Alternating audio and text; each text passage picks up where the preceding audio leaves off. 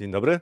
Analizy live 14 listopada 2023 roku, czyli wtorek. Przeżyliśmy poniedziałek 13 listopada, 13 na szczęście nie piątek, e, ale dopadło nas dzisiaj, czyli bardzo przepraszam za problemy techniczne, które mamy. E, ja już jestem, za chwilę będzie Robert.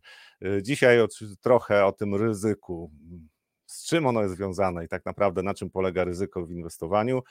I to jest oczywiście jedna z mądrości świata inwestycji, ale też y, trochę powiemy o tym, co się dzieje za naszą zachodnią granicą, trochę powiemy o tym, e, co się dzieje w ogóle e, na świecie, oczywiście przegląd rynków, też powiemy trochę o tym, e, na co czekają w tej chwili inwestorzy w Stanach Zjednoczonych, czyli dzisiejszy, odczyt inflacji. Też w Polsce będzie PKB, więc to też bardzo ciekawa rzecz, bo będziemy wiedzieli, co się działo w trzecim kwartale. No i tych tematów oczywiście jest dużo, dużo, dużo, dużo. Czekamy też również na, na pytania i zapraszam już na live'a.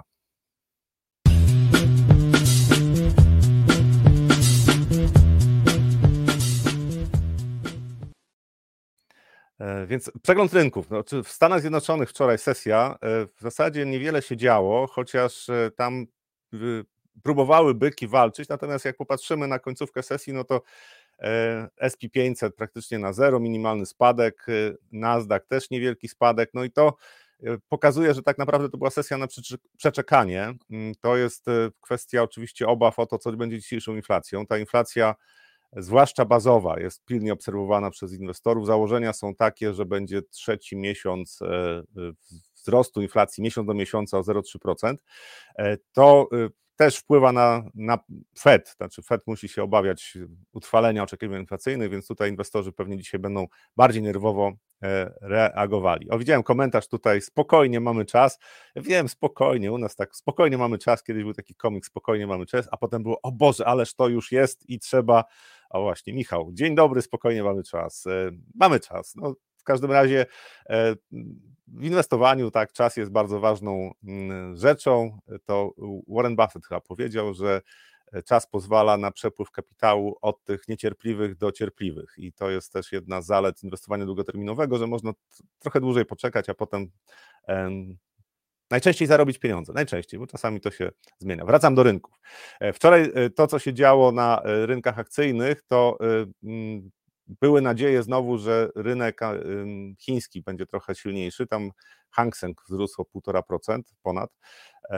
Patrzyłem wczoraj, dzisiaj już jest trochę gorzej, ale generalnie no nie, jest, nie jest fatalnie. Natomiast na WIG20 bym zwrócił uwagę, bo tam przez większość dnia E, no było w miarę optymistycznie, natomiast końcówka sesji już nie była tak optymistyczna, był spadek na koniec dnia tak 0,3 i to są rzeczy, które, o których y, no warto pamiętać, jak patrzymy na polski rynek, że po tym odreagowaniu takim, czy wzrostach bardzo silnych przed wyborami i po wyborach, no to teraz jest taki okres, gdzie rynek trochę e, może przeszarżował, tak, bo tych obaw jest całkiem dużo, o polską gospodarkę też, ale też o spółki, o wyniki spółek w najbliższym czasie. Też y, to jest kwestia oczywiście sytuacji budżetowej, która nie jest rewelacyjna, to znaczy ona nie jest katastrofalna, natomiast jeżeli mm, popatrzymy trochę dłuższej perspektywie, to by okazało się, że ten poziom długu do publicznego, do PKB, to w ciągu trzech lat przekroczy 60%. Znaczy PiS tworząc taką strategię na lata 20, do, do roku 2027, tak y, powpisywał tam oszczędności, też dodatkowe dochody y, budżetowe, bo przy tej strategii, która w tej chwili była realizowana, no to dość szybko byśmy doszli do limitu 60% w ciągu dwóch lat praktycznie, znaczy trzeci rok już był problematyczny i pytanie oczywiście, które teraz będzie się pojawiało, to co zrobi E, nowa koalicja, e, nowy rząd, bo e, naobiecywał dużo i wyzwania będą potężne, żeby to sfinansować, jakoś pospinać, poukładać. No zobaczymy, jak to będzie. Natomiast po bardzo silnych wzrostach teraz mamy trochę słabszy okres dla WIG-20. W Stanach Zjednoczonych też, jak popatrzę na, na, na rynek amerykański, to wydaje się, że tam inwestorzy trochę są bardziej nerwowi, więc to by sugerowało, że jakaś korekta może się pojawić, ale gdyby się okazało, że odczyt inflacji jest e, korzystniejszy niż wszyscy oczekują, to może się okazać, że e, tej korekty, na którą większość oczekuje, czy nawet głębokich spadków, bo oczywiście są dość powszechne opinie na temat tego, że będzie e, w najbliższym czasie, że będzie kontynuacja trendu spadkowego, że to znowu jest hossa głupców, czyli te wzrosty od początku listopada to jest coś, co w zasadzie tylko jest napędzane emocjami, a tak naprawdę nie ma fundamentalnych przesłanek. Nie wszyscy tak sądzą, ale wystarczająco dużo, żeby według mnie ten trend wzrostowy utrzymał się jeszcze przez pewien czas. E, więc rynki, rynki akcji, tak jak mówię, no, czekają pewnie na te dane z, e, o inflacji w Stanach Zjednoczonych, e, czekają na kolejne ruchy rządu chińskiego i banku centralnego w Chinach, bo tam oczekiwania na to, że będzie jakiś duży stymulus tak zwany, czyli stymulacja fiskalna to i monetarna, no to, to, to cały czas są, są żywe. Wydaje mi się, że to się pojawi, natomiast nie wiem, czy to pomoże gospodarce chińskiej w dłuższej perspektywie, w krótszej e, na pewno tak. Na rynku walutowym nie działo się zbyt wiele, e, nadal nie ma decyzji na euro dolarze, znaczy jak patrzymy na wykres, tam jesteśmy w okolicach 1,07 e, i pewnie też czekamy na te dane o inflacji. Z rynków to w zasadzie najwa najważniejsze rzeczy to, to opowiedziałem, natomiast y, tutaj przechodząc do takich tematów, które, y, które mamy na dzisiaj, no to jeden, jednym z takich tematów y, to jest kwestia ratingów, bo w weekend Stany Zjednoczone dostały karę, to znaczy został obniżony im rating o jeden, o jeden poziom. No i rynki, no w poniedziałek widać było, że początek sesji, czy jeszcze w czasie handlu y, nocnego na kontraktach terminowych, to tam e, trochę to wpłynęło na, na zachowanie e, rynków akcji, też na, na, na obligacje, ale nie, nie był to duży wpływ. Natomiast y, wraca temat ratingu w kontekście Włoch, bo tutaj pani Meloni będzie miała spore wyzwanie, y, żeby deficyt budżetowy w przyszłym roku był poniżej 5%.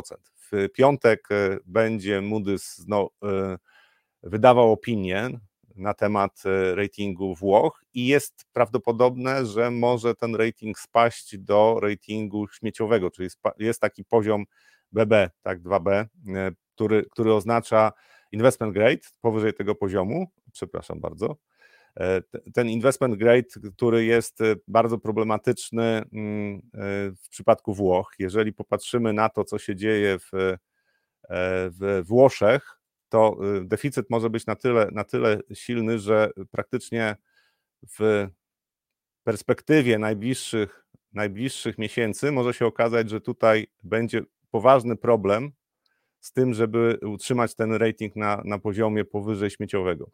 To są rzeczy, które, o których warto pamiętać, bo tutaj zagrożenia są dość duże. Jeżeli popatrzymy na, e, na Włochy, to e, prawdopodobnie w najbliższym czasie może się okazać, że e, Włosi będą zmuszeni, znaczy Włosi będą mieli droższy koszt pozyskania pieniądza. Jeżeli patrzymy na rating, to naprawdę ma to znaczenie, znaczy zwłaszcza przejście z tego ratingu investment grade na rating śmieciowy, czyli obniżenie tego ratingu ma znaczenie, ponieważ wiele instytucji y, ma określony poziom y, akceptowalnego ryzyka inwestycyjnego. I teraz, jeżeli mamy takie y, mm, obniżenie ratingu do śmieciowego, to przeskakują Włosi na ten niższy poziom i okaże się, że bardzo ciężko będzie im e, przyciągnąć niektórych inwestorów, bo oni po prostu nie będą mogli statutowo inwestować w takie papiery. To są rzeczy, które, o, których warto, o których warto pamiętać, kiedy patrzymy na ratingi, że przejście z 3A na 3A minus, tak, albo nawet z 3A minus na 2A, czyli te wysokie ratingi, to, to nie ma bardzo dużego wpływu na to, jak, jak reagują e, inwestorzy instytucjonalni. Natomiast jeżeli jesteśmy w sytuacji, w której okaże się, że e, kraj traci e, status kraju, który ma rating inwestycyjny, no to to ma już pewne konsekwencje. Więc to jest jeden z problemów, pewnie w piątek tym rynki będą żyły, natomiast wydaje mi się, że to nie jest najważniejszy e, problem. Znaczy, na najbliższym czasie zakładam, że no, to się tak czy inaczej wydarzy. Znaczy, patrząc na, e, na problemy budżetowe Włoch i w ogóle e, problemy z, z reformowaniem finansów publicznych, to zakładam, że w najbliższym czasie może e, e, trzeba się przygotować na to, że Włochy będą miały dalsze problemy. Im dłużej e, Europejski Bank Centralny będzie utrzymywał wysokie stopy procentowe, to jest konieczność w zasadzie w tej chwili jeszcze, bo inflacja, mimo że spada, to oczekiwania inflacyjne jeszcze są na wysokim poziomie, więc e, Europejski Bank Centralny też widzi, co się będzie działo z inflacją w najbliższym czasie. Ona e, delikatnie zacznie rosnąć. Pytanie, czy nie będzie rosła mocniej, ale będzie rosła w najbliższych miesiącach, dwóch, trzech.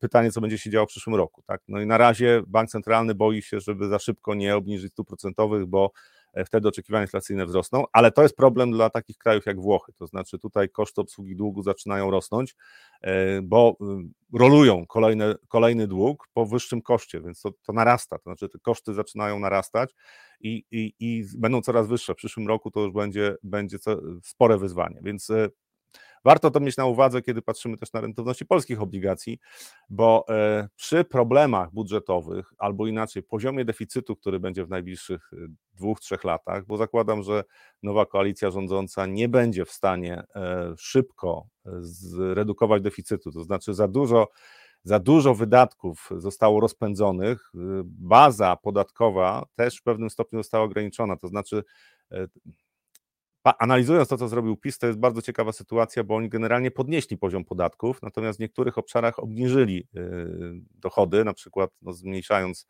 e, poziom PIT-u, tak, tej pierwszej, przy pierwszym progu. Natomiast generalnie, jak patrzymy na całość, to y, y, działań rządu PiS, to podatki wzrosły, znaczy dochody podatkowe wzrosły e, i e, też to wynikało oczywiście z tego, że była inflacja i łatwiej rządowi tak pozyskać pieniądze. W tej chwili inflacja obniża się. Pytanie, czy obniży się jeszcze bardziej w przyszłym roku niż te 6,5%, czy powiedzmy no 6,5%, tak? Czy poniżej 6% się znajdziemy w przyszłym roku? Ja zakładam, że poniżej 5% się znajdziemy w przyszłym roku, a prawdopodobnie będzie odbicie inflacji, chyba że będziemy mieli recesję. E, a y, y, to Niska inflacja to jest wyzwanie, bo to z punktu widzenia dochodu budżetowego, dochodów budżetowych, no okaże się po prostu, że jest trochę mniej, że jest trochę mniej e, pieniędzy. E, e, to minister Soboń powiedział chyba dwa lata temu, że jeden punkt procentowy inflacji to jest tam 4,8 miliarda złotych dochodu dla budżetu. No i mniej więcej to jest, zakładam, że to jest prawda. Więc w tej chwili jesteśmy w sytuacji, kiedy polityka rozdawania pieniędzy właśnie będzie weryfikowana, bo no, wspieranie konsumpcji przez kolejne transfery to nie jest coś, co długoterminowo buduje potencjał gospodarczy. E, Damlab, mam nadzieję, że analizy też będą za 30 lat i portfel Alfa też będzie pokazywał rezultaty jak Warrena. Ja obiecałem mojej córce, która właśnie skończyła 16 lat, obiecałem mojej córce, że dożyje setki że wcześniej się nie, nie zwinę z tego świata i że będę pracował do 95 roku życia, więc e, no, idę śladami Warrena i tak zakładam, że to zrealizuję, więc analizy y, wierzę w to, że będą działały i wierzę w to, że e, mój portfel będzie też pokazywany. E, to tak w, w kwestii komentarza do tego, co się, co się tutaj dzieje. Natomiast mamy dzisiaj problemy techniczne cały czas, bardzo przepraszam, natomiast staram się nad tym zapanować i działam, działam niemal na żywo, tak, próbując, taki coś niewyraźny się zrobiłem, więc próbuję, próbuję bez rutinoskorbinu, o przepraszam, reklama poszła, e, próbuję poprawić swoją widoczność, o, chyba jest trochę lepiej. E, I oczywiście sztab mm, e, pracowników technicznych tutaj działa nad tym, żeby to skorygować. A wracając do tego, co się dzieje na, na rynkach, Włochy, czyli to, co, co, co z ryzykiem oczywiście Włoch, to będziemy mieli do czynienia, natomiast też ja podkreślam, że to rynki bardzo często wchodzą w taką fazę, kiedy już zauważą pewien problem, takich e, bardzo panicznych działań. Znaczy to ten rozpad strefy euro w 2011 roku zapowiadany i tak dalej, e, ja powiem tak, y, moje założenia na najbliższe lata są takie, że za błędy, czasami czystą głupotę polityków, nie mówię o Polsce, albo nie tylko Polsce, ale za błędy polityków popełnione przez ostatnie nawet nie 10 lat, ale powiedzmy 20 lat, bo to zaczęło się po pęknięciu bańki internetowej. Tak naprawdę tam, ze względu na to, jak dynamiczny był wzrost BRICS-ów, czyli emergingów, E, to wiele rzeczy zostało ukrytych, e, jeżeli chodzi o problemy takie strukturalne, które się pojawiły na przykład w Europie już wtedy. E, I tu jeszcze był jeden, jeden case, to znaczy Niemcy po przełknięciu ciastka, które było na początku dość niestrawne, czyli NRD-ówek. NRD to była ta Kiedyś mówiono, że ta lepsza część Niemiec, czyli ta socjalistyczna, ale okazało się, że jak mur berliński upadł, co ta gorsza część, czyli zachodnia, była mniej więcej cztery razy bogatsza niż ta wschodnia, ale w każdym razie jak Niemcy się połączyły, to wymusiło to na nich restrukturyzację gospodarki. To nie było tak, że Niemcy kiedy zawsze były y, potęgą gospodarczą, jeżeli chodzi o Europę, że były najsilniejszym rynkiem, zawsze miały problemy. No i po tym jak się zrestrukturyzowały, to okazało się, że początek tego stulecia to był dobry czas dla Niemiec i to w zasadzie się utrzymywało, znaczy profity z tego czerpali do, do w zasadzie do, do końca poprzedniej dekady. Znaczy zaczęły się problemy w momencie, kiedy pani Merkel nie zrobiła pewnych reform, które powinny być zrobione i też y, było za mało inwestycji na przykład infrastrukturalnych, e, znaczy wiele zaniechań, jeżeli chodzi o politykę gospodarczą. I teraz mamy sytuację taką, że y, za chwilę może się okazać, że Niemcy znowu są problemem. Natomiast jeżeli popatrzymy na to, co się dzieje co się dzieje w strefie euro, e, to nawet problemy Włoch nie oznaczają, że to e, będzie koniec świata. Bo właśnie wracając do tych błędów, które, które popełnili politycy, to ja zakładam, że i życzę, życzę sobie tego, i takie jest moje założenie, które oczywiście będę weryfikował rynkowo. Natomiast moje założenie jest takie, że najmniejszym wymiarem kary, jaki możemy otrzymać jako społeczeństwo, mówię o nie tylko o Polsce, mówię o Europie, tak, ale również o Stanach Zjednoczonych, gospodarce światowej, najmniejszym, najmniejszym wymiarem kary będzie wyższa inflacja. Znaczy najprościej jest te błędy, które zostały popełnione, skorygować poprzez wyższą inflację, bo jeżeli e, będzie faktycznie zaciskanie pasa i, i konsekwentne e, realizowanie celu inflacyjnego, na przykład 2%, żeby utrzymać ten poziom inflacji, to jeżeli zamrozi się gospodarkę wystarczająco długo i wystarczająco mocno, e, to niestety e, będziemy mieli e, tendencję do recesji. W związku z tym, że koszty z dział- życia bardzo wzrosły, to znaczy ludzie zubożeli, już w tej chwili to, to jest odczuwalne, tak w 2020 roku wydawało się, że nic się nie wydarzy specjalnego, bo było dużo pieniędzy, ale teraz za chwilę się okaże, że ludzie zubożeli, to przy recesji niezadowolenie społeczne będzie tak gigantyczne, że ja wolałbym, żeby tego, żebyśmy tego nie doświadczyli. I ta wyższa inflacja Według mnie to jest scenariusz na najbliższe lata. To znaczy, zakładam, że zarówno FED, jak i Europejski Bank Centralny w pewnym momencie stwierdzą, że no dobrze, jeżeli mamy mieć bardzo duże problemy gospodarcze, to może lepiej zaakceptować, że ta inflacja jest trochę wyższa. Pytanie, czy tak będzie, nie wiem, ale według mnie bardzo prawdopodobny scenariusz. No i znowu, wracając do tego, co się dzieje e, w Europie, no to w Polsce e, też te problemy, które będą z mm, zrównoważeniem budżetu, znaczy utrzymaniem deficytu budżetowego poniżej 3% w najbliższym czasie, to jest coś, co będzie sporym wyzwaniem i warto o tym pamiętać, jak patrzymy zwłaszcza na polski dług bo tutaj w pewnym momencie po prostu może się okazać, że popyt jest, podobnie jak w Stanach Zjednoczonych, w tej chwili trochę zbyt mały. I to są, y, jeżeli patrzymy tak na Włochy, jeżeli patrzymy na ratingi, to, y, no to, to warto o tym pamiętać. Pozytyw jest taki, że Polska raczej na razie nie będzie miała obniżonego ratingu. Być może za dwa lata, jeżeli by się okazało, że deficyt nie jest pod kontrolą. E, o, doktor Szum. Spotkanie Biden-C równa się Niemcy? Hmm, ze znakiem zapytania. To znaczy tutaj nie wiem o co chodzi. Y, znaczy spotkanie Biden-Seed według mnie jest o tyle pozytywne, że oni jednak rozmawiają, natomiast tarcia y, w handlu, y, w ogóle jeżeli chodzi o gospodarkę, tak, czy, czy nowe technologie, no to według mnie to jest nierozwiązywalny problem.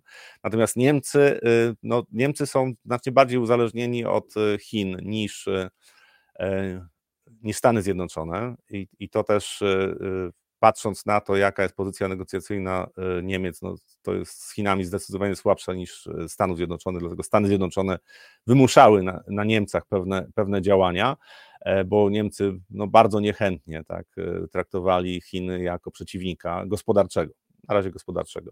Więc pytanie, jaki to będzie miało wpływ na, na Niemcy, bo rozumiem to pytanie w ten sposób. No, jeżeli, jeżeli jakieś ocieplenie relacji z Chiny, Stany by nastąpiło, to myślę, że Niemcy mają problem. To znaczy, e, tutaj może się okazać, że e, Ameryka, Amerykanie jak zwykle wykorzystają sytuację do tego, żeby zapewnić sobie pewne e, preferencje, jeżeli chodzi na przykład o traktowanie przez Chińczyków. Nie wiem, jak to będzie, natomiast no, faktem jest, że to spotkanie jest, daje nadzieję na to, żeby trochę ociepliły się stosunki tych, tych dwóch krajów.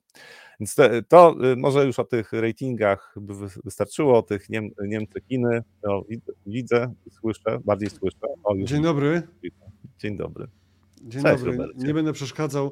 Wszystko się wysypało dzisiaj, tak. Mieliście Rafała solo, wczoraj był solo, dzisiaj przez znaczną część solo, ale, y, ale jakoś się tam w końcu dostałem tutaj do tego live'a. Nie wiem, kto takie przeszkody sprawiał, ktoś z was pewnie. No dobrze, o czym już powiedziałeś? Powiedz. To opóźniony 13. Przede wszystkim o, Wło o Włoszech e, powiedziałem. Mhm. I powiedziałem jeszcze, przegląd rynków taki krótki mhm. Y, i, i, i, przygotowałem o tym temat inflacji w Stanach Zjednoczonych, ale nie mhm. mówiłem o tym, czego się boi Fed. I nie mówiłem oczywiście, co jest największym ryzykiem. No właśnie, co jest naj, największe ryzyko, czyli to perfidnie, wrednie zostawiamy ciągle to w, jako tajemnicę, która zostanie wyjaśniona oczywiście w tym live, ale też nie powiemy, w którym momencie zostanie wyjaśniona. Y, czyli co teraz mamy w rozkładzie jazdy? Czyli czego się boi Fed by pasowało do tego, tak? No chyba tak, czego się boi mhm. Fed.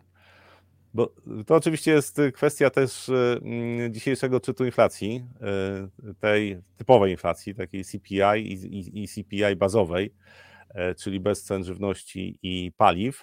Natomiast no, Fed bardziej patrzy na, na swoje miary inflacji. Natomiast dzisiaj myślę, że rynek na to patrzy i Fed też na to patrzy, bo jakich miar się nie używa, no to ta inflacja bazowa, ona będzie porównywalna, czyli E, odczyt jest spodziewany na poziomie 4,1% rok do roku i 0,3 kolejny wzrost e, miesiąc do miesiąca. I Fed boi się, że te 0,3 miesiąc do miesiąca, e, jak się utrwali taki poziom inflacji, no to mamy inflację tam ponad 3,5%, być może 4%, a oczekiwania inflacyjne w ostatnim czasie, i tutaj kilku, kilka mm, analiz, kilka sondaży tak naprawdę to pokazuje, wśród zwłaszcza gospodarstw domowych, trochę się podniosły.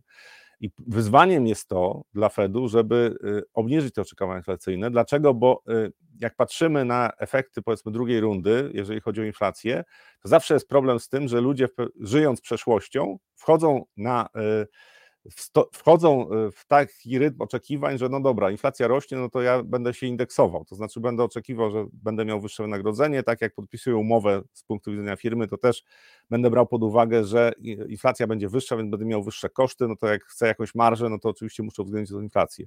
I to jest taki efekt psychologiczny i on działa, znaczy patrząc na historię y, podniesionego poziomu inflacji, to obniżenie inflacji zajmuje dużo czasu. Ja często o tym mówiłem, że w gospodarce niewiele rzeczy można wywołać na pstryknięcie palców, zwłaszcza spadek inflacji przychodzi ciężko. Natomiast faktem jest, że niektóre rzeczy rząd na przykład albo bank centralny mogą zrobić szybko. Znaczy zamknąć gospodarkę i e, dać ludziom pieniądze, żeby kupowali, jak gospodarka ma ograniczone możliwości produkcyjne.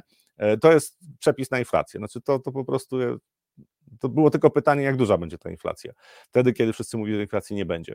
Natomiast później wygaszenie inflacji, no to oczywiście można zrobić coś takiego, że na przykład Fed, tak, przyjmijmy, że podnosi stopy procentowe e, e, bardzo szybko do poziomu 10% i y, zabija gospodarkę amerykańską. To znaczy szybki wzrost stóp procentowych z 0 na 10% to jest na 100% recesja w gospodarce amerykańskiej. Znaczy nie ma innej możliwości. Znaczy, gospodarka się nie, nie, nie dopasowałaby do tego. I to jest, to jest możliwe. Natomiast banki centralne tego nie robią. No, nie robią tego, bo y, wiedzą, że żeby nie tworzyć kolejnych szoków, to muszą działać jednak trochę spokojniej.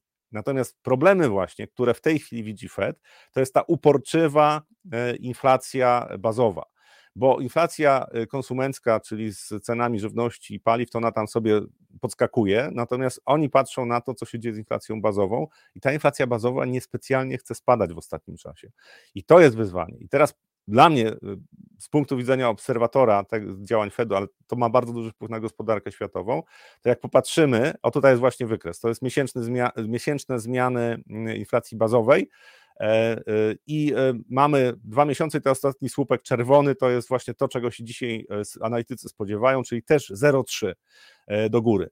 I jak popatrzymy w ogóle na, na, cały, na cały rok poprzedni, tak, czy nawet więcej, to obniżanie się tej inflacji bazowej, ono jest takie dość stabilne, trend jest wyraźny, natomiast właśnie w tej chwili dochodzimy do tych poziomów inflacji, które Y, stają się wyzwaniem. To też wynika na przykład z poziomu wzrostu wynagrodzeń tak, e, w gospodarce amerykańskiej. I jak popatrzymy na to, gdzie, gdzie w tej chwili jest gospodarka amerykańska, to e, zaczęły się schody. Znaczy, krótko mówiąc, Fed e, będzie stał przed dylematem, czy wprowadza gospodarkę amerykańską w recesję i wtedy ma inflację tam pewnie poniżej 2%, natomiast kosztem oczywiście większego deficytu budżetowego, znaczy to nie jest zmartwienie Fedu, bezpośrednio, natomiast Janet Yellen nie będzie szczęśliwa z tego powodu, a nie wiadomo, co się stanie w perspektywie na przykład następnych sześciu miesięcy.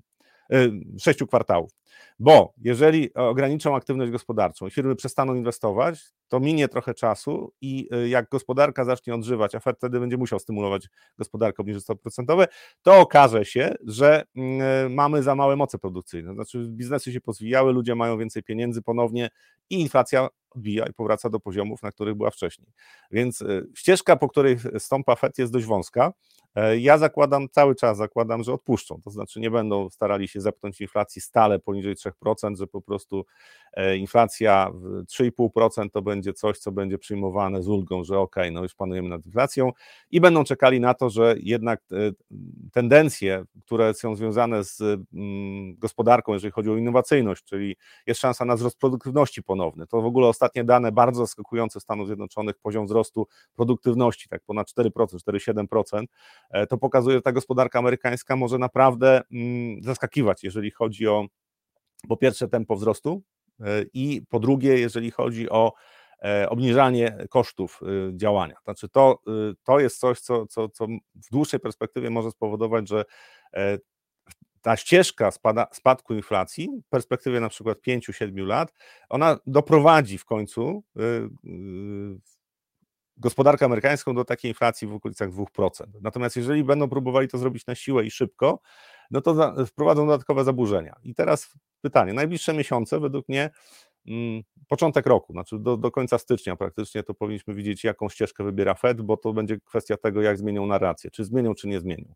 I to są rzeczy, na które ja patrzę, które obserwuję i myślę, że to jest e, mm, dla Fedu spore wyzwanie, Natomiast e, też e, dla innych banków centralnych, no bo FED jest poziomem odniesienia, znaczy te stopy procentowe w Stanach Zjednoczonych to wskazują kierunki, które są możliwe w innych krajach. Oczywiście RPP poszła swoją ścieżką, natomiast zrobili to znacznie wcześniej niż powinni według mnie, bo patrząc na restrykcyjność polityki monetarnej, to ona w Polsce jest dużo niższa niż w Europie i w strefie euro i w Stanach Zjednoczonych. Natomiast teraz no, ostatnie, ostatnia konferencja profesora Kapińskiego wskazuje, że teraz zaczną być bardziej jastrzębi, więc też inflacja może wygasać w perspektywie trochę dłuższej niż rok, bo w ciągu roku według mnie ta inflacja nie będzie specjalnie wygasać, będziemy na poziomie powyżej 7-8%, 7-8% tak, przez większość przyszłego roku, być może z jakimiś podskokami przejściowymi e, w czasie roku. Rafale, czas już chyba podsumowywać sezon wyników w Stanach, prawda? Bo większość spółek podała swoje wyniki. Zatem co wynika, wynika z tych wyników? Jakie wnioski znaczy, można wyciągać? 92% to Facet oczywiście zbiera e, te informacje. 92% spółek pokazało wyniki. E, w, pobiło tam 78% chyba w prognozy wyników, z tego co pamiętam. E, przepraszam, ale wyleciało mi, wyleciało mi z głowy dokładna liczba, natomiast no, to jest mniej więcej taka średnia długoterminowa i też jest wzrost zysków. Znaczy za trzeci kwartał mieliśmy przełamanie tej tendencji spadku EPS-ów, czyli wyników spółek, jest wzrost zysków. I to, co początkowo martwiło, jak zaczynał się sezon wyników, to, co początkowo martwiło y, inwestorów i co wywoływało takie silne reakcje na spółkach, to jak prognozy dotyczące y, czwartego kwartału i następnych kwartałów, jeżeli były y, poniżej oczekiwań, to spółki były mocno karane, znaczy przeceny następowały momentalnie. I to się wyciszyło. Znaczy teraz w drugiej części sezonu wyników, no doszliśmy do takiej sytuacji, że mamy, e, że mamy e, e, spokojniejsze reakcje. No oczywiście tu, tu rynek się uspokoił i inwestorzy z nadzieją patrzą na przyszły rok. To też jest ciekawe, że oczekiwania na przyszły rok, jeżeli chodzi o wyniki spółek amerykańskich, są bardzo pozytywne. A tutaj widzę 81, 81 spółek. spółek procent, procent 81%, procent, 81% spółek, spółek miało pozytywny EPS. EPS-ami, tak, zyskami. Tak. Mhm. E, I, e, I to są takie wyniki, no, które mogą, mogą cieszyć. Też e, ten wzrost EPS-ów było 4,1% i dla mnie ważniejsze jest to, czego się inwestorzy spodziewają na czwarty kwartał i na przyszły rok. I tutaj już wchodzimy też ten etap prognoz, bo coraz więcej banków inwestycyjnych, domów inwestycyjnych biur maklerskich będzie prognozy przedstawiało i co cię, według mnie no, jest bardzo optymistycznie, jeżeli chodzi o oczekiwania. Natomiast same wyniki za trzeci kwartał były dobre. Znaczy pokonanie, pokonanie oczekiwań plus wzrost zysków, no to jest coś, co, co jest pozytywne. I to też jest według mnie jedna, jedna, jeden z argumentów za tym, że rynek akcji w Stanach Zjednoczonych może w najbliższym czasie być dość silny. Kończymy praktycznie sezon wyników. E, inwestorzy to przetrawili. E, przetrawili również to, że tam są ryzyka dotyczące chociażby niektórych big techów, ale generalnie według mnie to nie było. Nie, same wyniki nie spowodowały przełomu. Znaczy, znaczy, inne, to, jest trochę tak, to jest trochę tak, jak rozumiem, że nie ma katastrofy, ale też nie ma jakiegoś szału, tak? Bo tutaj widzę, y, że ta prognozowane 12-miesięczne PDE, co do zysk dla S&P 500 jest 18, czyli poniżej 5-letniej średniej, która wynosiła 18,7, ale powyżej 10-letniej średniej, która wynosiła 17,5.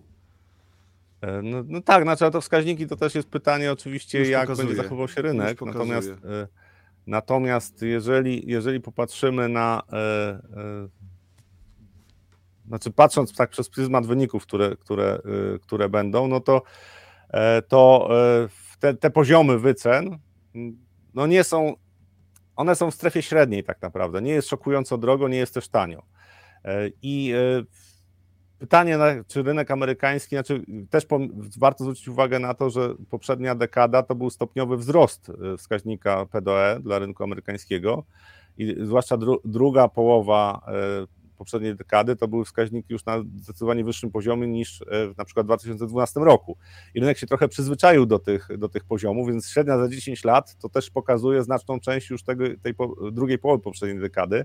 I ona jest wyższa niż jakby wziąć średnią na przykład z 10 lat do 2015 roku, tak? No to, to, to, jest, to jest spora różnica. Natomiast e, co z tego wynika? No, wynika z tego tyle, że jeżeli by się pogorszył zdecydowanie e, klimat gospodarczy, e, i spadłyby wyniki spółek, no to można oczekiwać, że wskaźnik PDE pójdzie w górę i inwestorzy będą mocno rozczarowani. Jest czego spadać.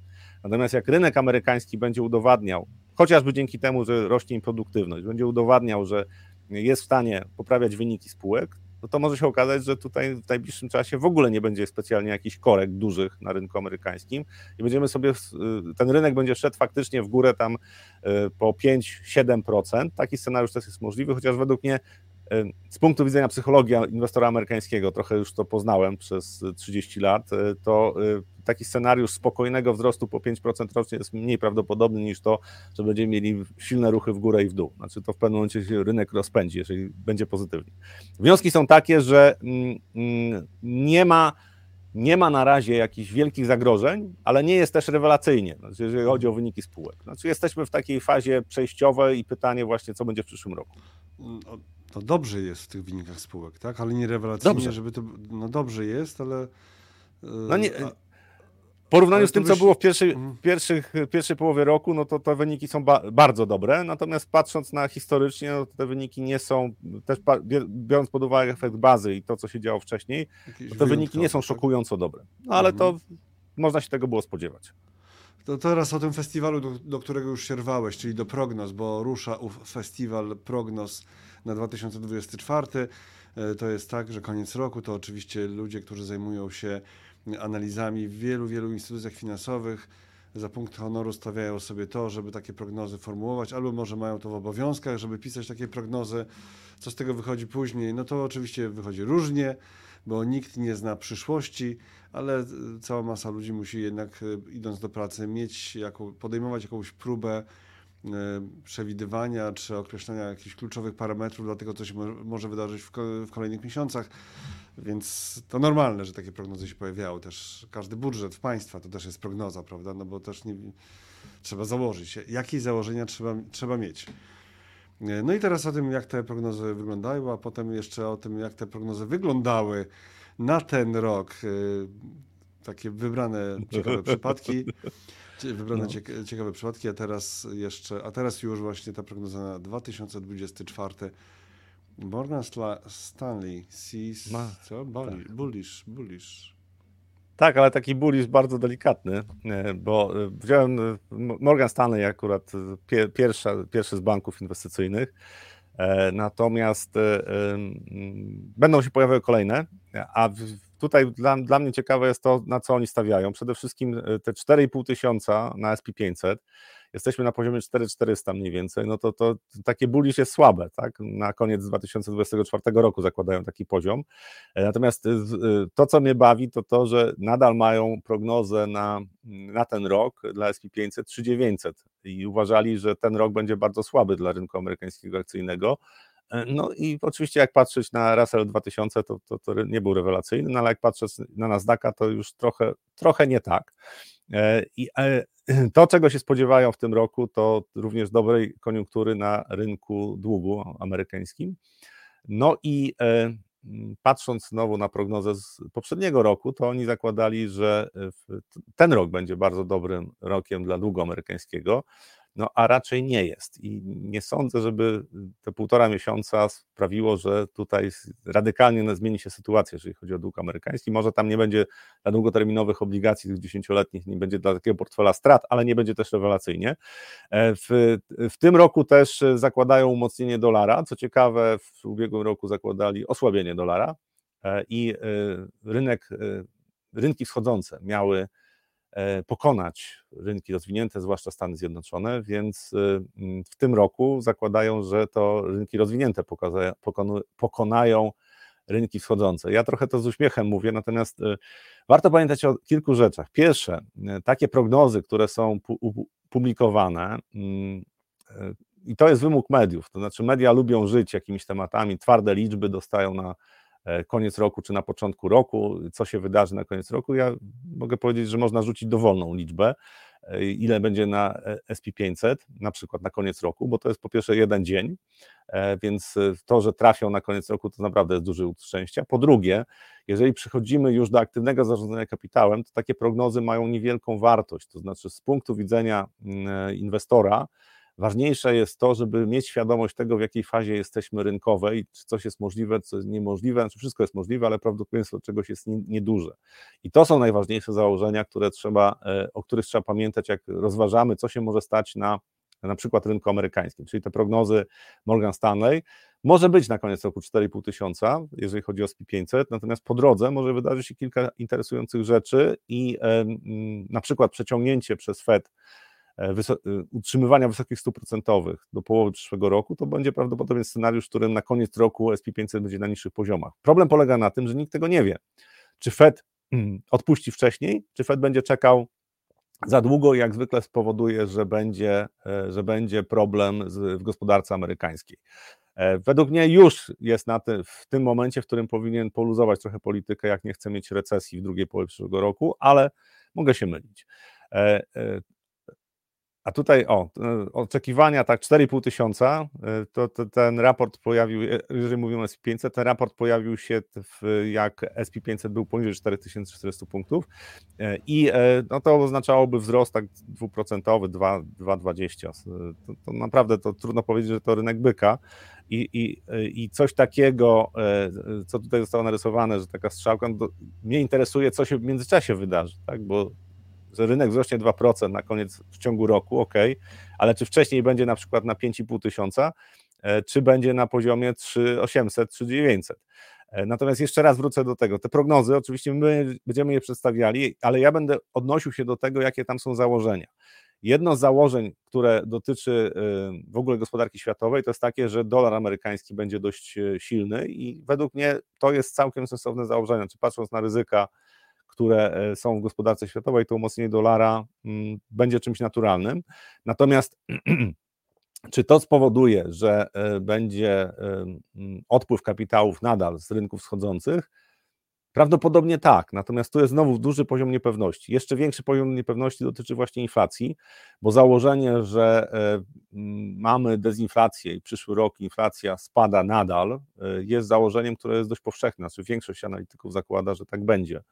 E, natomiast ja zakładam, że pojawią się problemy i też pojawią się czarne łabędzie inflacyjne, to znaczy coś spowoduje, że ta inflacja nie będzie spadała, więc od razu pojawia się pytanie, co się będzie działo, jak będą reagowały rynki, jak pojawią się wyższe odczyty inflacji, co zrobi Fed, e, czy, tak jak ja zakładam, odpuści w pewnym momencie i nie będzie zaciskał gospodarki, ściskał gospodarki, czy to, czy to zmieni. Więc te prognozy, które się pojawiają, e, będą się pojawiały, tych prognoz będzie bardzo dużo, no trzeba brać pod uwagę właśnie E, e, możliwość popełnienia dużego błędu, bo też czegoś nie wiemy. 2022 rok to atak Rosji na Ukrainę to było coś, co przewróciło w zasadzie wszystkie prognozy. To znaczy gospodarczo to miało bardzo duży wpływ na to, co, co, co się będzie działo w takich krajach, nawet jak Stany Zjednoczone. To teraz jeszcze trochę o prognozach, ale tych sprzed roku. Nie chodzi o to, żeby dezawuować pracę tych ludzi, tylko tak jest chyba ciekawe, żeby spojrzeć. O, tutaj trochę reklam się wyświetla. E, ale mimo to mam nadzieję, że da się to zobaczyć. Co to jest, e, Rafale? E, to jest Visual Capitalist. To, to jest taka strona, gdzie bardzo fajne infografiki robią, zbierają różne informacje. No i sobie zrobili zestawienie w prognoz, co się może wydarzyć w gospodarce, tak, na, na rynkach, w technologii. To I, były prognozy, uwaga, na 2023. Teraz prognozy 2020, na 2023. Prognozy sprzed roku. Sprzed roku. To się pojawiło y, chyba w grudniu 2022. Y, I tu widać, jaki, y, że oczywiście część jest trafionych, natomiast część jest całkowicie błędnych. I warto czasami popatrzeć właśnie na takie zbiorcze zestawienia, bo to pokazuje też mm, błędy, które, które popełniają nawet zawodowcy, bo to, to są to, to na podstawie prognoz, tak, czy, e, czy projekcji na 2023 rok zrobili to zestawienie takie średnie, znaczy co się ma wydarzyć. No i tutaj część rzeczy jest e, oczywiście e, się sprawdziła. Znaczy tutaj w środku mamy takie żółte, żółte kółeczka Artificial Intelligence will pop up everywhere. No i w zasadzie w połowie roku mieliśmy ten moment, zwłaszcza w lipcu, gdzie y, bałem się otworzyć lodówkę, że już tam mam sztuczną inteligencję, bo wszędzie była i to był ten moment, kiedy przesilenia, od tego czasu sztuczna inteligencja aż tak dobrze się nie zachowuje rynkowo, natomiast faktem jest, że ten temat żyje i on będzie żył. E, e, natomiast obok mamy niebieskie kółeczka, że y, chińska gospodarka e, odbije tak, po Mhm. Ponownym otwarciu. I to było powszechne przekonanie jeszcze w styczniu, że w ogóle no tam w Chinach to będzie fantastycznie. Ja widząc, co zrobił rząd chiński w 2021-2022 rokiem, zachowałem sporą ostrożność, jeżeli chodzi o tą prognozę, natomiast to było powszechne, tak? E, I to jest coś, e, no, oczywiście to miało podstawy, żeby zakładać, że będzie lepiej, ale się nie zrealizowało.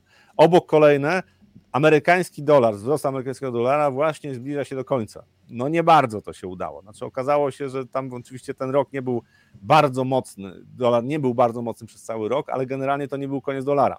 E, więc jeżeli popatrzymy na, e, na takie prognozy, no to warto pamiętać o tym, że większość trafia, jeżeli chodzi o prognozy, wtedy, kiedy trend jakiś będzie kontynuowany, albo kiedy są e, bardzo silne przesłanki do zmiany trendu i faktycznie to nas, nastąpi w gospodarce. Czyli na przykład te Chiny, założenia były poprawne, jeżeli chodzi o otwarcie gospodarki, tylko oni, y, analitycy nie wzięli pod uwagę tego, że rząd chiński, prowadząc przez 3 lata ponad politykę zero COVID, przetrącił kręgosłup, y, jeżeli chodzi o optymizm konsumentów. I to jest coś, co według mnie nie było brane w analizach e, ekonomicznych. Oczywiście wojna handlowa ze Stanami Zjednoczonymi, bardziej gospodarcza, to jest dodatkowy temat, natomiast generalnie tu był błąd. Cała reszta, całe wnioskowanie było ok, w pewnym momencie miało nastąpić otwarcie gospodarki chińskiej, natomiast to nie, przełożyło się na, na to, co się dalej wy, wydarzyło. Tutaj na dole mamy Indie będą miały kolejny silny rok, gospodarczo faktycznie to się sprawdza, w środku niebieskie kółeczka inflacja osłabnie. No inflacja jest słabła, tylko co z tego, jeżeli e, inwestorzy i w Stanach Zjednoczonych, w Europie zakładali, że po osłabieniu inflacji, znaczy tempa wzrostu cen, e, to powinien być dobry rok na rynku obligacji długoterminowych, skarbowych. No i zarówno w Europie, jak i no, w strefie euro, jak i w Stanach Zjednoczonych to nie był dobry rok. Pomimo tego, że ta prognoza się spełniła. Polska jest y, y, y, wyjątkiem. Znaczy, patrząc na to, co się w Polsce wydarzyło, to cały czas podziwiam. E, optymizm inwestorów. Może ja jestem człowiekiem małej wiary, ale generalnie patrząc na to, co się działo na świecie, zakładałem, że w Polsce taki spadek rentowności jest mało prawdopodobny. Ale znowu, można trafić jakąś prognozę dotyczącą tendencji rynko, y, gospodarczych, natomiast wcale to się nie przełoży na takie aktywa, które według y, wiedzy takiej historycznej powinny się przełożyć. Więc E, warto patrzeć na prognozy, warto patrzeć według mnie na założenia dotyczące prognoz, natomiast trzeba mieć świadomość tego, że e, inwestowanie jest chyba najbardziej złożoną grą, jaką człowiek wymyśli. No przecież jest e, proste, chociaż nie jest łatwe. E, no dobrze, to teraz jeszcze prognoza też ta historyczna, prognoza sprzed roku z Morgan Stanley. No trochę, trochę tutaj no to tak leżącego nie powinno się bić. Natomiast no, założenia, które oni na przyjęli. Na biednego nie trafiło. No. Na biednego nie trafiło. Założenia, które przyjęli, no nic nie trafili. Po prostu nic nie trafili. Znaczy, przyjęli, że y, y, będzie to rok y, rentowności, znaczy spadku rentowności, więc będzie dobrze na rynku długu, że będzie słabo na rynku akcji, czyli tam na koniec roku 3900, ale jeszcze w ciągu roku miało być jeszcze niżej że będzie to dobry rok rynków wschodzących, że będzie to słaby rok dla dolara. E, no i jak popatrzymy na te wszystkie, e, a jeszcze, jeszcze e, mm, tak, do, amerykański dolar w 2022 będzie spadał. Ale tak, i, i będzie spadał, przez 2023. No, no, mhm. nie chciał za bardzo spadać. Natomiast no, rynki wschodzące i Japonia, z Japonią to fakt, faktem jest, że trafili. E, e, rynek japoński zachowuje się dobrze, natomiast rynki wschodzące zachowują się słabo, to głównie Chiny, ale to generalnie to jest ropa coś, co... Ciekawie, ropa ciekawie prognozowana. Tak, 110 dolarów, tak, to też e, będzie silniejsza od miedzi i to chyba się zgadza, że jest silniejsza od miedzi, ale znaczy na końcu roku to jeszcze nie wiem, ale no, no patrząc tak. na to, że ma być 110 dolarów, no to, to bez zamknięcia ciśnin Ormus to do końca roku raczej ropa tfu, nie będzie na tym poziomie. Tfu, tfu. No ale zobaczymy, to, to jeszcze nie wszystko się zrealizowało. Tak. Teraz muszę odpukać, bo po, po, dzisiejszych wydarzeniach to jak coś powiemy, to Boże, to, po, e, po to zamknę to ciśniny. Po których? No, no dzisiaj te zamieszanie całe. Ja też, ja też zacząłem A. znikać. Nie wiem, czy widziałeś, ale ja zacząłem znikać w pewnym nie, momencie. Ratowałem, ratowałem u siebie e, hardware. Dobrze, e, to, to, to tyle o prognoz tych sprzed roku, także teraz festiwal będzie, ale tak jak Rafał powiedział, też zgadzam się z tym, że warto patrzeć na założenia i na to, y, jakie są argumenty za tym, bo to jest fajne. To, to czy to będzie to fajne. Tak. tyle punktów, czy tyle punktów, to jednak tam jest zawsze mimo wszystko sporo wiedzy i sporo e, oczywiście czyjegoś, ale poglądu, z którym warto czasami rzeczywiście się zmierzyć. To po prostu są też analitycy, którzy chcą kreować. No, Hmm, nie wiem, czy na przykład można kreować rentowność amerykańskich dziesięciolatek takimi raportami. Znaczy, to Czyli... wtedy trzeba występować w telewizji tak jak Jim Cramer. On kreuje. Jego portfel tak średnio, tak, ale tak, generalnie. No, ale chyba nie jest w stanie wpłynąć na rentowności dziesięciolatek amerykańskich, nie, tak? Nie, czyli najważniejszego nie. instrumentu finansowego świata, czy generalnie obligacji amerykańskich. No to chyba taka, jednak nie. To były takie czasy, jest taka książka Poker Kłamców, opisuje sytuację w Salomon Brothers, to był w latach 80. Mm -hmm. w zasadzie rządził na rynku obligacji e, i tam był e, taki główny trader, który przyszedł do pracy i powiedział, że ach kurczę, ceny obligacji pójdą w górę. Kupił za 2 miliony e, obligacji amerykańskich, no i nie poszły w górę. Mówi, jak to nie poszły? Kupił za 100 milionów i poszły w górę. Znaczy, to jest w ogóle, jak teraz mówimy o 100 milionach, to wydaje się to śmieszne, natomiast to było 40 lat temu prawie, i inny poziom handlu, ale też inna wartość pieniądza, tak? Więc to było gigantyczne pieniądze, więc rynek musiał zareagować. Zresztą wtedy wszyscy, e, którzy handlowali na obligacjach amerykańskich, zastanawiali się, co zrobi Salomon Brothers. To się skończyło. Teraz już nie ma takich, co tak by wpłynęli. Było o festiwalu prognoz, który się zaczyna, to teraz o festiwalu handlowym, który zawsze jest pod koniec roku, bo wiadomo, że mm, e, sezon świąteczny dźwignią handlu, tym razem jednak w Niemczech mm, słabo to wygląda, słabe perspektywy, jeżeli chodzi o tą dźwignię. To może dźwigienka raptem jakaś, ale nie żeby tam jakiś y, szał, przynajmniej tak wynika z tych raportów, y, które prognozują właśnie, co się może wydarzyć w czasie sezonu świątecznego y, w niemieckim handlu, w niemieckiej gospodarce. No tam rośnie pesymizm, jeżeli patrzymy na e, handel detaliczny. E, i boją się, że te święta będą słabsze. Znaczy, ponad połowa firm już w tej chwili zakłada, że e, sprzedaż będzie mniejsza niż rok temu e, i że ta tendencja w ogóle może się utrzymywać. To znaczy, ja patrząc na prognozy dla gospodarki Ameryka- niemieckiej, to z, z, dużym zainteresowaniem patrzę na podstawy optymizmu na przyszły rok, bo w zasadzie dla całej strefy euro ten optymizm ma rosnąć, to znaczy gospodarka ma rosnąć i optymizm razem z gospodarką. Natomiast patrząc na to, co się dzieje chociażby właśnie w tym handlu e, detalicznym w Niemczech, patrząc, co się dzieje w przemyśle niemieckim, to zastanawiam się, co ma pociągnąć tą gospodarkę w przyszłym roku i dlaczego miałby nastąpić taki przełom, e, czyli zmiana tendencji, która jest w tej chwili. Firmy e, niemieckie, detaliści, są mocno zaniepokojeni. To nie jest tak, że tam jest jakaś wielka panika, tak? Znaczy po prostu widzą, że rynek jest trudniejszy i przygotowują się na to, że ten rynek będzie trudniejszy. To jest z jednej strony oczywiście czynnik dezinflacyjny, e, bo jeżeli handel nie będzie mógł sprzedawać, no to będzie walczył cenami. Znaczy to jest jedna z rzeczy, która, e, która będzie wpływała na poziom inflacji. Zakładam, że w, strefie euro ten poziom inflacji może być e, niższy niż w Stanach Zjednoczonych nawet, chyba że dolar się zacznie umacniać, a euro słabnąć, ale to jest inny temat. Natomiast wnioskując z tych danych, które napływają ze strefy euro, bo to nie tylko Niemcy, to ja bym spodziewał się, że mamy w najbliższych y, jeszcze dwóch kwartałach, czyli ten i następny kwartał, mamy y,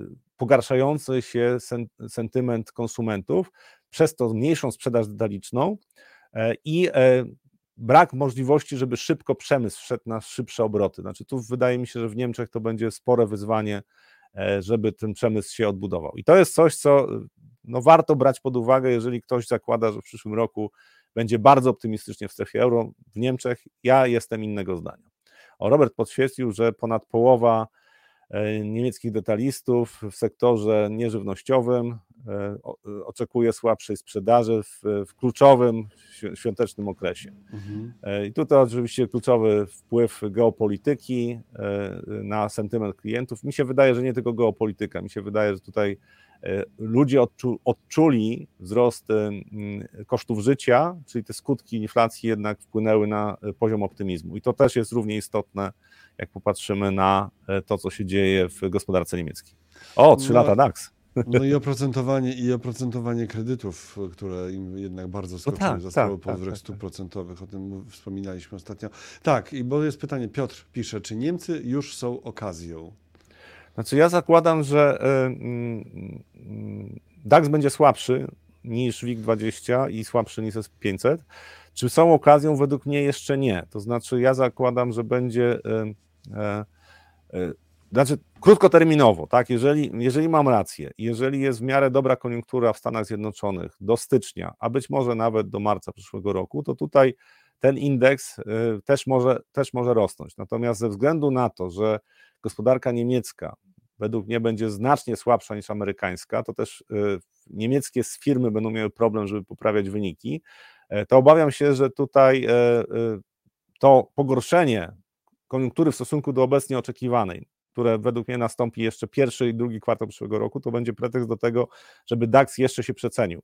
Pytanie, jak mocno, z jakich poziomów, bo teraz, jeżeli jesteśmy w e, końcówce roku i na świecie jest risk-on, to DAX nawet, względu, nawet biorąc poprawkę na to, że będą pogarszały się oczekiwania dotyczące zysków spółek, to on może zachować się nieźle. To jest indeks po prostu, który jest traktowany jako taki e, półtora raza SP500. Bardzo często jest tak, że ten e, DAX on po prostu skacze w obie strony znacznie szybciej niż SP500. Więc jeżeli SP500 rośnie, DAX według mnie też będzie y, w trendzie wzrostowym. Pytanie, czy pokona te szczyty na 16,5 tysiąca ostatnie, no to jest, tu mam wątpliwości, to znaczy może się okazać, że, y, że zabraknie siły, chyba, że mamy hossę naprawdę bardzo dużą w Stanach Zjednoczonych, to po prostu najczęściej to się też, rozlewa na rynek europejski. Pytanie w jakim stopniu. Ja zakładam, że krótkoterminowo DAX może jeszcze zyskiwać, pomimo tych napływających nie najlepszych danych z gospodarki, natomiast w trochę dłuższej perspektywie, na przykład do połowy przyszłego roku, to trochę bym się obawiał, że ten indeks będzie zostawał w tyle za innymi rynkami, e, właśnie ze względu na problemy strukturalne w gospodarce niemieckiej. Niemcy wydaje się, że raczej są na początku drogi w dół. Największe zagrożenie to Bliski Wschód. Dany GoPro tak uważa. Znaczy to jest oczywiście kwestia ceny ropy, paliw e, generalnie, natomiast oni mają e, inne zagrożenia. Znaczy to, to jest kwestia oparcia przemysłu na e, taniej rosyjskiej, rosyjskim gazie przede wszystkim. W tej chwili mają problemy z utrzymaniem kosztów, znaczy firmy odczuwają, to też, to też może to zabawnie brzmi, ale E, handel detaliczny skarży się na e, wzrost kosztów energii elektrycznej. Bo też w Niemczech zrobiono tak, że tylko niektóre sektory gospodarcze mają preferencyjne warunki, jeżeli chodzi o, o opłaty za energię elektryczną. Więc tych wyzwań jest bardzo dużo, a według mnie oni stracili e, taki systemowy, systemo, znaczy mieli systemowe podejście do budowania przewagi konkurencyjnej. I to była tak naprawdę preferencyjne, jeżeli mówimy o przemyśle, preferencyjne ceny za gaz. To, to było coś, co napędzało niemieckie firmy i oni bazowali na tym. To się skończyło, to znaczy nie są w stanie tego modelu kontynuować. Mają sporo wyzwań, jeżeli chodzi o zwiększenie aktywności gospodarczej i konkurencyjności, konkurencyjności gospodarczej. Według mnie e, wzrost cen ropy to był dodatkowy jeszcze argument za tym, żeby nie stawiać na Niemcy. Na razie e, ja zakładam, że DAX będzie po prostu słabszym indeksem nawet niż WIG20, e, bo WIG20 warto pamiętać o tym, że to też jest indeks, który jest bardzo zależny od tego, jaki jest sentyment na rynkach światowych. No my jesteśmy e, dynamicznym indeksem. To nie jest tak, że te, znaczy po tych okresach takich konsolidacji, to potem jak się coś dzieje, to ruchy są naprawdę spore. E, to DAX będzie słabszy, a, a od WIG 20, a mm, na, według mnie na 80-90% będzie słabszy od SP500, więc ja na DAX bym nie stawiał w perspektywie e, pół roku, nawet najbliższych miesięcy. Uważam, że lepiej będzie się działo w Stanach Zjednoczonych. Jeżeli będzie się działo dobrze, to SP500 będzie silniejszy, DAX będzie słabszy ze względu na to, że będą się bali inwestorzy wyników spółek za następne kwartały. Na to czacie na YouTubie tutaj Państwo się bardzo fajnie bawią, ale nie, nie wrzucę tego na ekran, ale faktycznie. No, nie zacytuję też. Kto tam ogląda, kto jest na Facebooku, to niech sobie tam potem zajrzy na e, YouTube, jeżeli jest zainteresowani no, jakimi kakaszkami. No, Podobno y, zabawa jest kluczem w rozwoju człowieka, więc. Ja to się bardzo cieszę, bo my tu mamy live'a, a obok no. jest czat, na którym po prostu życie kwitnie. Tutaj Państwo mają po prostu klasyczną bekę z czegoś, tak. To już nie, nie chcę iść w, w klimaty antyniemieckie, ale tak. Po, pojechane, pojechane trochę. No Rafał, widzi, Rafał widzi i się zgotował. Tak. tak. Słuchajcie, y, jeżeli ktoś jeszcze nie ma subskrypcji kanału Analizy Live, to serdecznie zapraszamy do zrobienia sobie, sobie subskrypcji i bycie z nami w kontakcie. Y, I, I, też prosimy o komentarze. Pod filmami prosimy o komentarze, jak najbardziej merytoryczne. Uwagi też jak najbardziej przyjmujemy wszystko na klatę. Y, propozycje tematów też bardzo prosimy pod filmami. Pod filmami, pod filmami, pod filmami. Większość z naszych e, widzów prześwietnych i widzek prześwietnych ogląda nas już w postaci nagrania, a nie w trakcie e, live'a. E, no dobrze, to już dźwigienkę handlu, czyli sezon świąteczny sobie darujemy, już ten temat zamykamy. No dobrze, to teraz chyba trzeba przejść do naszego tematu tytułowego, tak? Już teraz? No tak. No tak, tak dobrze. Tak, tak. Co jest największym ryzykiem? Najprostsza mm, lub jak to woli tylko opinia. Tak, co jest największym ryzykiem? No dobrze, proszę Państwa, co jest największym ryzykiem? Prosimy teraz o głosowanie szybkie, zanim przejdziemy do odpowiedzi. W inwestowaniu, co jest największym? E, panie Rafale, Pana zdanie na temat globalnych obligacji korporacyjnych, również tych high yield na przykład. O, znaczy korporacyjnych czekamy, czekamy na Wasze odpowiedzi na pytanie, co jest największym ryzykiem. Inwestycyjnie. Mhm. Jeżeli, jeżeli mówimy o obligacjach korporacyjnych, to bym rozdzielił investment grade, czyli te y, emitowane przez firmy o dobrym standingu. E, tylko tu też warto sprawdzić, czy ten standing nie jest trochę nadmuchany. Znaczy to, to są firmy, które mogą mieć szybko problemy, jak im sprzedaż spadnie, ale high yield, czyli te wysokodochodowe obligacje, kiedyś nazywane śmieciowymi, to tutaj, jeżeli, jeżeli jest spowolnienie e, w Europie i w Stanach Zjednoczonych, to historia pokazuje, że przy obecnych spreadach, czyli inaczej premii za ryzyko, które, które tam wynosi 2,7 dla high yieldów, mniej więcej, to jest bardzo niski poziom. To znaczy tutaj potencjalnie ryzyko tego, że będą jakieś defaulty jest zbyt duże według mnie. Więc ja tych high yieldowych obligacji to raczej bym w perspektywie tego roku e, unikał. Oczywiście e, możliwe spadki rentowności obligacji, bo według mnie przynajmniej w przyszłym roku przez pewien czas jeszcze rentowności mogą spadać w Stanach, mówię o Stanach Zjednoczonych. E, prawdopodobnie też e, na przykład niemieckie rentowności obligacji mogą spadać. Pytanie, czy polskie to jest inny temat, ale mówmy o globalnych. E, to jeżeli mamy spadek rentowności obligacji skarbowych, no to high yieldowe obligacje też spread może się utrzymywać, ale ich ceny będą, będą rosły, tak? czyli te rentowności trochę pospadają. Tylko, że jeżeli przyczyną spadku rentowności będzie to, że jest recesja, to obawiam się, że będzie problem z obligacjami high. To jest historia pokazuje, że w takich momentach pogorszenia koniunktury, to w pewnym momencie inwestorzy zaczynają się bać defaultów. I zupełnie słusznie. Znaczy historia pokazuje, że przy spowolnieniu gospodarczym ilość niewypłacalności zaczyna rosnąć. I to już w tej chwili widać, jeżeli chodzi o rynek amerykański, bo to analizuję, że wnioski o upadłość e, rosną. To jeszcze nie jest taki poziom, żeby bardzo niepokoił, natomiast no, my w zasadzie jesteśmy dopiero na początku, e, jeżeli chodzi o odczuwanie przez gospodarkę amerykańską e, działania Fedu podnoszonych procentowych. Jeszcze nie ma bardzo dużego zacieśnienia, jeżeli chodzi o kondycję finansową w gospodarce, znaczy koszty kredytu, kredytowania, finansowania nie, są, nie wzrosły, raczej w, w ostatnim czasie te, te, koszty są niższe. Znaczy, I to jest jedna z rzeczy, która na razie utrzymuje rentowności high-yieldowych obligacji na niskim poziomie. To się potrafi bardzo szybko odwrócić, znaczy bardzo szybko w ciągu dwóch miesięcy na przykład. Znaczy w gospodarce to, to, to jest szybko. Jeżeli to nastąpi, no to high yieldy w przyszłym roku niekoniecznie.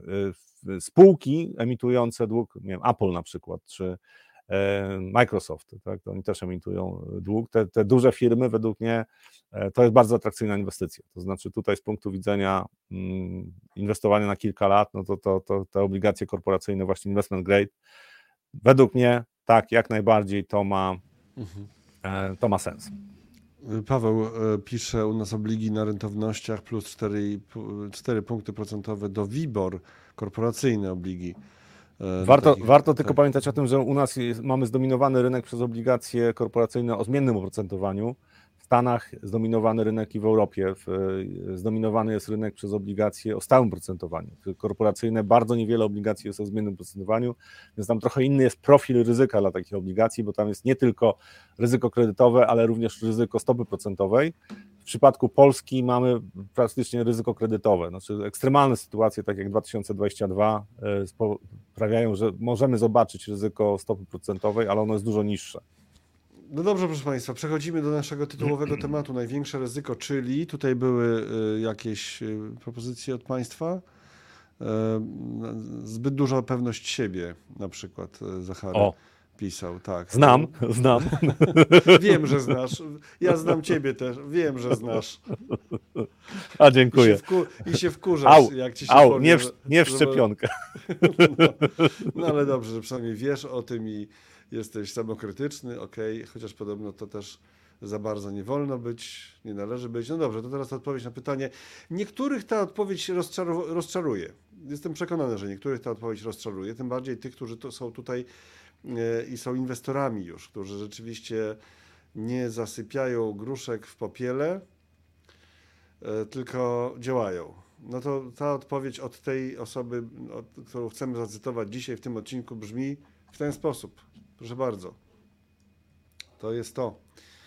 Największym ryzykiem jest niewzięcie ryzyka. Żadnego. No i teraz y, mm, przekładając to na język inwestycyjny, jeżeli chcemy mieć y, święty spokój, czyli na przykład depozyty bankowe albo krótkoterminowe papiery skarbowe, e, to raczej majątku nie zrobimy na tym, a też najprawdopodobniej nie ochronimy się przed inflacją. Znaczy, patrząc długoterminowo, pomijam ostatnie dwa lata, ale nawet długoterminowo patrząc, to lokaty pieniężne bardzo rzadko pozwalają e, e, osiągnąć zysk powyżej inflacji. W takim okresie powiedzmy 10 lat. Są okresy oczywiście, gdzie te lokaty dają więcej, ale generalnie to nie mówię o Polsce, tak mówię o, o, o, o rynkach światowych. E, I to jest coś, co warto brać pod uwagę, kiedy mówimy o inwestowaniu, że jeżeli unikamy w ogóle ryzyka, no to okej, okay, no to będziemy chronili wartość pieniądza, ale nie w pełni. Natomiast jeżeli chcemy coś zarabiać, to, to musimy podjąć ryzyko, realnie zarabiać, musimy podjąć ryzyko. I teraz unikanie tego ryzyka całkowicie w portfelu inwestycyjnym jest błędem. To właśnie o tym ta, ta, ta maksyma mówi, że warto podejmować ryzyko. Pytanie jest, jak duże ryzyko. Ten portfel 40% akcji, 60% obligacji, tylko niekoniecznie długoterminowych, bo to jest e, no trzeba by trochę inaczej wtedy spojrzeć na ryzyko portfela, zwłaszcza po tym, co się wydarzyło w ostatnich dwóch latach, ale taki portfel, gdzie mamy te 40% e, bardziej ryzykowne, w dłuższej perspektywie powinien się sprawdzić, to znaczy w perspektywie dwóch, trzech, czterech lat jest szansa na to, że my będziemy zarabiali też na polskim rynku więcej niż wynosi inflacja, E, ale oczywiście ryzyko jest takie, że na przykład przez dwa lata będziemy tracili pieniądze, e, bo będzie e, silna bessa. Więc wtedy można wykorzystać tą część portfela, która jest zainwestowana w bardziej bezpieczne aktywa, do tego, żeby uzupełnić portfel akcyjny, ten bardziej ryzykowny, ale to jest praktycznie jedyna szansa, jeżeli popatrzymy na ostatnie 30 lat, żeby bogacić się realnie. To Stany Zjednoczone są świetnym przykładem, bo my jesteśmy takim krajem na dorobku. Znaczy tutaj w Polsce wiele dzieci, takie choroby wieku dziecięcego, znaczy wejście w gospodarkę rynkową,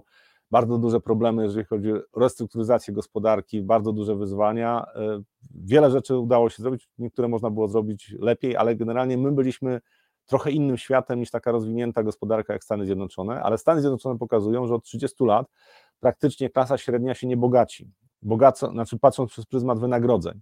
Bogacą się ci, którzy inwestowali na rynku akcyjnym. I oczywiście tu sprzyja hossa na rynku amerykańskim i lata 90. i poprzednia dekada to bardzo duża hossa, natomiast no, dekada, e, pierwsza dekada tego, mm, e, tego stulecia to był taki średni czas na rynkach akcyjnych, a mimo wszystko e, inwestowanie na rynku akcji to jest coś, i to nieruchomości, tak, w Stanach Zjednoczonych trzeba pamiętać o nieruchomościach, że to był ten E, ten e, obszar, który pozwalał zarabiać, e, pod warunkiem, że nie mieliśmy zainwestowane 100% w ryzykowne aktywa, zwłaszcza w 2007 roku, tak, albo, albo no, w 2022 na początku roku też 100% w ryzykowne aktywa to obniża stopę zwrotu. Podejmowanie ryzyka, tylko takiego wyważonego, dopasowanego do mojego profilu, jest według mnie podstawową umiejętnością, która jest potrzebna, żeby bogacić się na rynkach akcji w dłuższej perspektywie. Peter Lynch to taki e, sławny, legendarny inwestor powiedział, że znacznie więcej pieniędzy zostało utracone, e, niezarobione e, przez próby unikania korekt niż w rzeczywistych korektach czy nawet bessach. On miał bardzo prostą strategię inwestycyjną, znaczy wybierał spółki według określonego klucza. klucza. Faktem jest, że to było w latach 70., tak, i ta strategia wyglądała. W tej chwili nie sądzę, żeby, aż, żeby była możliwa do skopiowania. Natomiast generalnie świadomość tego, że akceptowanie pewnego poziomu ryzyka jest drogą do na przykład za, zamożniejszego życia na emeryturze, to jest coś, co, o, o czym wielu inwestorów zapomina. W Polsce jest powszechne przekonanie, że bezpieczeństwo jest najważniejsze a historia pokazuje, że ci, którzy trochę ryzykują, zarabiają znacznie więcej. A to jest cytat z pani Melody Hobson, y, y, czyli obecnie co-CEO Ariel Investments, ale także chairwoman y, w Starbucksie, czyli powiedzielibyśmy członkini zarządu teraz w Polsce, tak? Chairwoman w Starbucksie, a wcześniej między innymi szefowej DreamWorks Anima Animation, czyli to jest rzeczywiście osoba, która i była też szefową chyba tego Economic Club w Chicago, czyli osoba rzeczywiście utytułowana. Tutaj ktoś zauważa, że to być, chyba jest parafraza innego powiedzenia. Znaczy też podobny cytat z, z twórcy Facebooka rzeczywiście widać w różnych miejscach, tam troszeczkę inaczej jest to sformułowane w sensie gramatycznym czy stylistycznym, E, ale e, te, tak, też tam ten cytat się pojawia od e, Marka Zuckerberga. I, no ale my tutaj sięgnęliśmy panią, po panią Melody Hobson, bo to fajnie też pokazać taką osobę, która rzadziej może się pojawia w tym, w tym obiegu, a też swoje zrobiła i swoje robi rzeczywiście. To tyle na temat tego ryzyka, aczkolwiek jest dużo jeszcze komentarzy, to ja te komentarze, te komentarze tutaj, o właśnie, po nie sięgnę. No właśnie, tutaj pisze Paweł K., że to chyba parafraza innego e, powiedzenia innej osoby. To wspomniałem mm, też o tym. E, bodaj, a tutaj, ale Paweł pisał o Jacku Bogle. Bodaj Jack Bogle pisał, że największym ryzykiem jest nieinwestowanie. Tak, książka Enough polecamy. Polecam. Ja nie wiem, czy Rafał poleca Enough Jacka Bogla, super. Wiemy, że inwestowanie wiąże się z ryzykiem, ale wiemy też, że nieinwestowanie skazuje nas na finansową porażkę. Tutaj Paweł wrzucił cytat pełny z tego, tak? To, że to jakoś tak, że to jakoś tak było. Co jeszcze tutaj? A, pro, mm, a propos podejmowania ryzyka, zgłaszam prośbę na, na, o temat Obligacji klimatycznych. Hmm, ciekawe. Podejmowanie ryzyka. Ale ARK Innovation. Kupuje takie obligacje i poprawia się klimat? ARK Innovation, no tutaj rozumiem, że trochę ironia, e, do tego hasła, że po prostu trzeba inwestować, tak? No ale to pytanie jest właśnie, jaki procent w tak e, ryzykowny portfel, który, który Katie Wood stworzyła, jaki procent portfela chce zainwestować perspektywie kilku lat. Znaczy, pomijam kwestię tego, jak były wybierane spółki, e, kryteria, bo wydaje mi się, że tam dużo błędów analitycznych było popełnionych. Tam jest dość młody zespół, z tego co wiem, analityków i być może zauroczyli się e, ym, perspektywami wzrostu niektórych spółek. Natomiast to też jest kwestia kontroli ryzyka, tak, żeby w takie bardzo ryzykowne e, inw- inwestycje nie wrzucić na przykład e, 60% portfela, bo no, może boleć. E, Paweł jeszcze rzuca Kasia Drewno, czyli Cathy Wood robi year to date plus 27,75. To betka. Spójrzcie na fundusze akcji polskich, tak? Są i takie, co No. robią powyżej 40, a te 37, te 27 to, u, to już słaby wynik. E, No. W, w tym za 12 miesięcy, może nie year to date, ale za 12 to chyba tak. No to prawie year to date. Mm.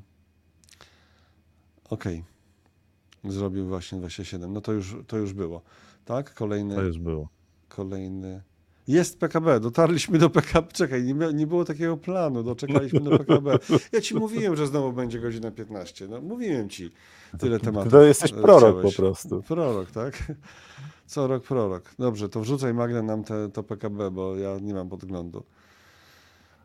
To tak jak w tym dowcipie, jak siedzi y, ba- gazda na gałęzi, ale z dala od pnia i piłuje przy pniu, przechodzi turysta i mówi, "G- gazdo, spadniecie. Oj tam panocku, nie spadnę. No i oczywiście w pewnym momencie gałąź się ułam, ułamuje, gazda spada i mówi, kurde, prorok, co? Godzina 15. Na twoje życzenie, Robercie. No nie no, to kto Chciałeś, ma to- podgląd, niech wrzuca to PKB wreszcie, bo ja nie, nie miałem podglądu żadnego na PKB. To jest dowód na to, że nie zakładaliśmy, że dociągniemy do 10.01. Minus, e, plus, jaki minus, przepraszam, plus 0,4 rok do roku. Już się Plus, przyzwyczaiłeś do plus tego. 0,4 że do, minus, rok widzisz. do roku. Paweł, dzięki, dzięki Paweł, dzięki, dzięki. Mm, Plus 0,4 rok do roku, powyżej oczekiwań. No dobrze, to my możemy już za, zacząć kończyć wreszcie. Tylko jedna wrzutka jeszcze, jeden taki y, Michałek, y, a właściwie nie Michałek, tylko James. Y, pamiętacie? Nie James, jaki James? David. David, imiona mi się mylą. James. Nie James Bond, tylko David. Cameron, y, w poniedziałek komunikat y, z, tam z rządu od y, Richiego Sunaka, że Cameron zostaje ministrem spraw zagranicznych, tak? Dobrze pamiętam? Chyba tak, chyba Tak. tak. A to jest numer na miarę Jamesa Bonda, Foreign faktycznie. Secretary, tak, to jest numer na miarę Jamesa, Jamesa Bonga, Bonga, Bonda, czyli twórca Brexitu. On naprawdę tego nie chciał. On po prostu zrobił to referendum, żeby tam coś politycznie się umocnić i zupełnie nie chciał tego. No i zrobił, ale zrobił. Czasami jak ktoś nie chce, no to mu wychodzi nawet lepiej niż wtedy, kiedy by chciał. No i teraz szok i niedowierzanie zostaje ministrem spraw zagranicznych. No co by nie mówić, to zna się facet na tej robocie. No, zna No się. tak, Tylko by, tak. tylko by, żeby może teraz już, żeby robił tylko to, co chce. Żeby nie robił niczego, czego by nie chciał. Tak? To Dużo sukcesów. dużo sukcesów życzymy. Tak. Proszę Państwa, y, i kończymy. To ile PKB, Kończymy. tak? To było Kończymy. oczekiwań. Tym PKB kończymy i Cameronem jeszcze kończymy też przez chwilę, bo to jest rzeczywiście niesamowity nagłówek. Jamesem Cameronem. Ale to państwo, o właśnie, GB wraca do EU, y, No. UK wraca do EU. No może, może. Już im się znudziło na tej wolności to co, gospodarczej. powiększą się o UK? No może teraz. No, Mhm. niech zrobią drugie. a O, Cameron zrobi drugie referendum. No właśnie, a to nie Nigel Farage? Nie, Okej. on, on się przyczynił do tego, no ale to już. Dobrze, Tam, proszę same państwa, referendum za, tak. za ogłosił. Cameron. Ogłosił, y, Cameron ogłosił referendum, bo chciał sobie poradzić tam z tym swoim skrajnie farażowym skrzydłem. I sobie poradził. Skrajnie, tak. Zawsze się wzruszam, jak widzę no, sprawczość polityków. Skrajnie prawicowym skrzydłem. Tak. Dziękujemy bar- bardzo, proszę Państwa. Jutro nie będzie live'a, od razu y, informuję, a w czwartek to się jeszcze potwierdzi, będzie Tomasz Narkun. Na całość Tomasz Narkun będzie. Taki jest plan, chociaż y, tutaj y, czekam jeszcze na ostatnie. No dobra, okej, tak? no dobra, okej. Słuchajcie, y, tak, No, no czwartek dobra. aktualny, no dobra, okej. A wcześniej, tydzień temu był entuzjazm, ale dobra, okej, napisał Nark Tomasz Narkun, że to ja mogę to napisać w takim razie nawet w podpisie, Tomasz Narkun w czwartek. Ale już nie, nie będę tego pisał. Zrobimy posta na YouTubie i za chwilę pojawi się e, zapowiedź. Czwartek Tomasz Narkun, a piątek, no to czekajcie też na powiadomienia. Zobaczymy, co będzie. Plan jest taki, żeby coś było. E, Dziękujemy pięknie, do zobaczenia wszystkim. Prosimy o komentarze pod filmem, prosimy o zrobienie sobie subskrypcji tego kanału i do zobaczenia e, niebawem. Dziękujemy. Do zobaczenia.